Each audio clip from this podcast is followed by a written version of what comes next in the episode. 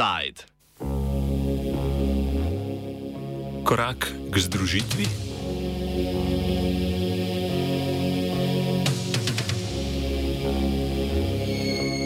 Prejšnji teden so na Severnem Irskem potekale parlamentarne volitve, na katerih je s 27 sedeži prvič v zgodovini zmagala nacionalistična stranka Sinn Fein, ki podpira združitev z Republiko Irsko. Njena največja konkurentka, probritanska demokratična stranka Unionistov, krajše DUP, ki je dobila tri poslanska mesta manj, je tako na volitvah doživela prvi poraz po letu 2003. Na Severnem Irskem od velikonočnega sporazuma, s katerim se je leta 1998 končal aktivni konflikt v Ulstru, velja zakon, da si morata največja nacionalistična in največja unionistična stranka deliti oblast. To pomeni, da bo novi predsednik vlade prihajal iz vrst Sinn Feina, njegov namestnik pa iz stranke DUP.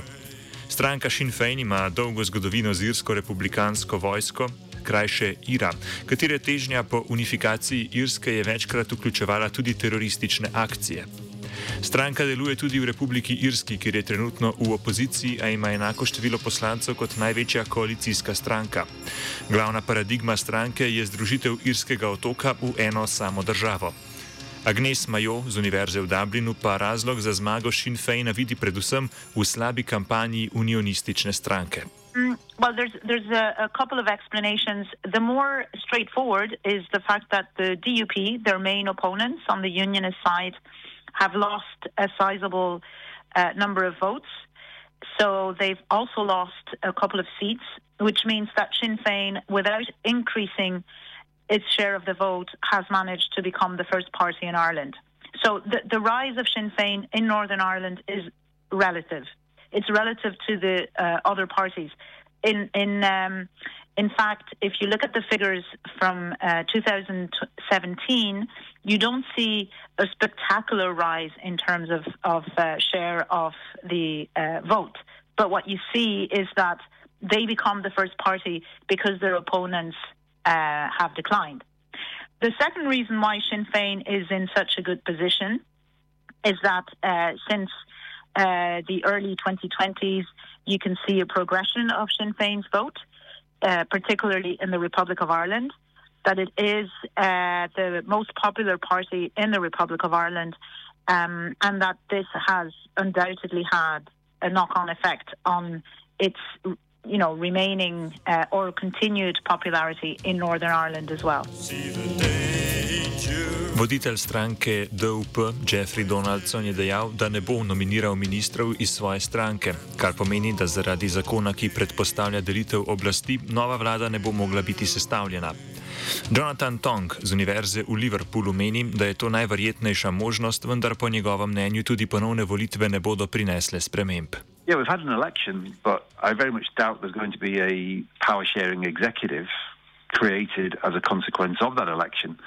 The Democratic Unionist Party, as the by far the largest party within unionism, uh, that wants changes to the EU Northern Ireland Protocol, and without those changes, including the removal of the trade border between Great Britain and Northern Ireland, which forms part of that protocol, without those changes, the DUP is simply not going to go in. And the way that the political system is constructed, if the largest party of unionism won't join the largest party of nationalism in a political dance, then there won't be a devolved power sharing executive. The rules are as, as simple as that.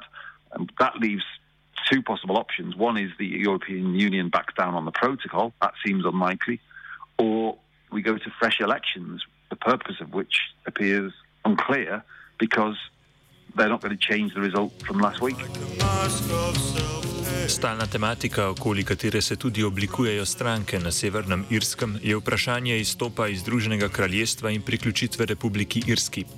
Zmago Sinn Feina se je možnost za to sicer povečala, a referendum omogoča le, ko bodo javnomnenjske raziskave pokazale, da so ljudje naklonjeni združitvi. It's still some years off, I think, a referendum for unification. I certainly wouldn't rule it out in the long term, but we're talking several years uh, away. Sinn Féin is the largest party in the south of, of, Ireland now, according to the opinion polls. And if it converts that into an election victory in the south, in, in terms of becoming the largest party, then you know you'd have Sinn Féin as the largest party in both jurisdictions on the island of Ireland. Uh, under the rules, only the British government can call a referendum on a united Ireland within Northern Ireland, but it will be harder to resist that if Sinn Féin is the largest party. But at the moment, the opinion polls suggest there isn't a majority in favour of a united Ireland within Northern Ireland.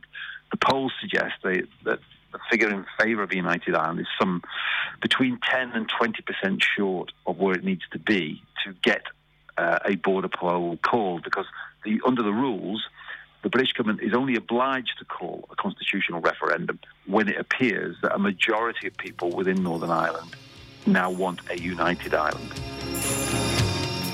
Glavno jabolko spora volitev pa je tokrat predstavljala carinska meja, ki med Severno Irsko in ostalimi deli Združenega kraljestva obstaja od Brexita leta 2020. Ko je Velika Britanija izstopila iz Evropske unije, je izstopila tudi iz carinske unije, ki predpostavlja, da med državami članicami ni carinske meje, torej povsem prost prehod ljudi in blaga. Velika Britanija, pod katero spada tudi Severna Irska, je z izstopom izgubila te ugodnosti. V carinski uniji ostaja Republika Irska, zaradi katere Evropska unija ni pristala na sporazum, ki bi vključeval uvedbo kakršne koli meje, torej tudi carinske, na Irskem otoku. Poleg ogrožanja tradicionalno občutljive varnosti bi to pomenilo tudi kršitev velikonočnega sporazuma. Zato je leta 2020 začel veljati tako imenovani Severnoirski protokol, ki so ga sprejele Velika Britanija, Evropska unija in Severna. Severna Irska. Od takrat na meji med Severno Irsko in ostalimi deli Združenega kraljestva veljajo carinske in mejne kontrole za določeno blago, ki vstopa na Severno Irsko. Svojo volitveno kampanjo je okoli tega problema zgradila predvsem unionistična stranka, ki protokolu v nasprotju s stranko Sinn Féin in sredinskim zavežnistvom Severne Irske nasprotuje. Majo. they have actually said that they would not sit in the, or they would not uh, participate in the government until the Northern Ireland Protocol is renegotiated. So they're mainly unhappy at the Northern Ireland Protocol because of the uh, sea um, border between the Great Britain and Northern Ireland. So they feel that it's a border between two parts of the UK. They want this to be renegotiated by the British government with the EU. It's unclear what can be negotiated.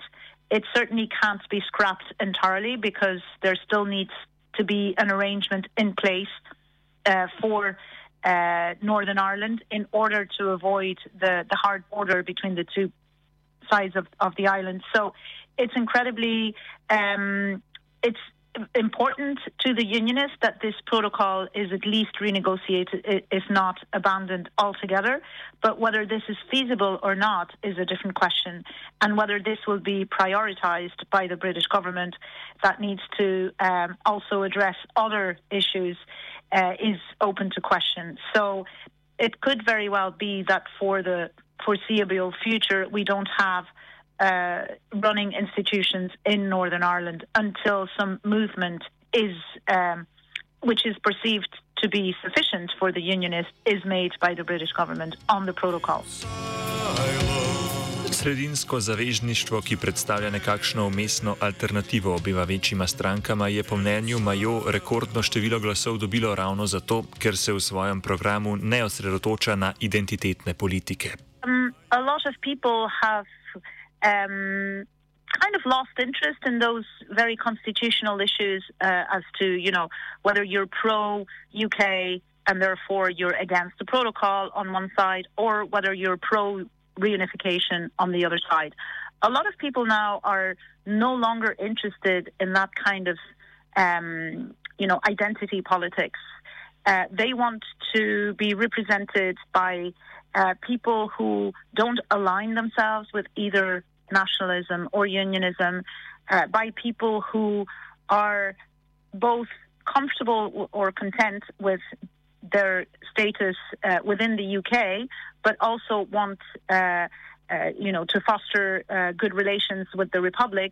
So that middle ground, which is neither unionist nor nationalist, is growing, and and has particularly affected the DUP because the DUP has uh, made the protocol such a central question uh, or issue in its campaign that it has probably lost some of those voters that either felt that the TUV, more radical, represented their views better, or that they didn't want to be associated with uh, the protocol in itself and were happy enough with how things are going, and therefore might have voted either for the, the Ulster Unionist Party, but uh, in even greater numbers for the Alliance Party, who represents a more moderate uh, view of, of Northern Ireland within the UK.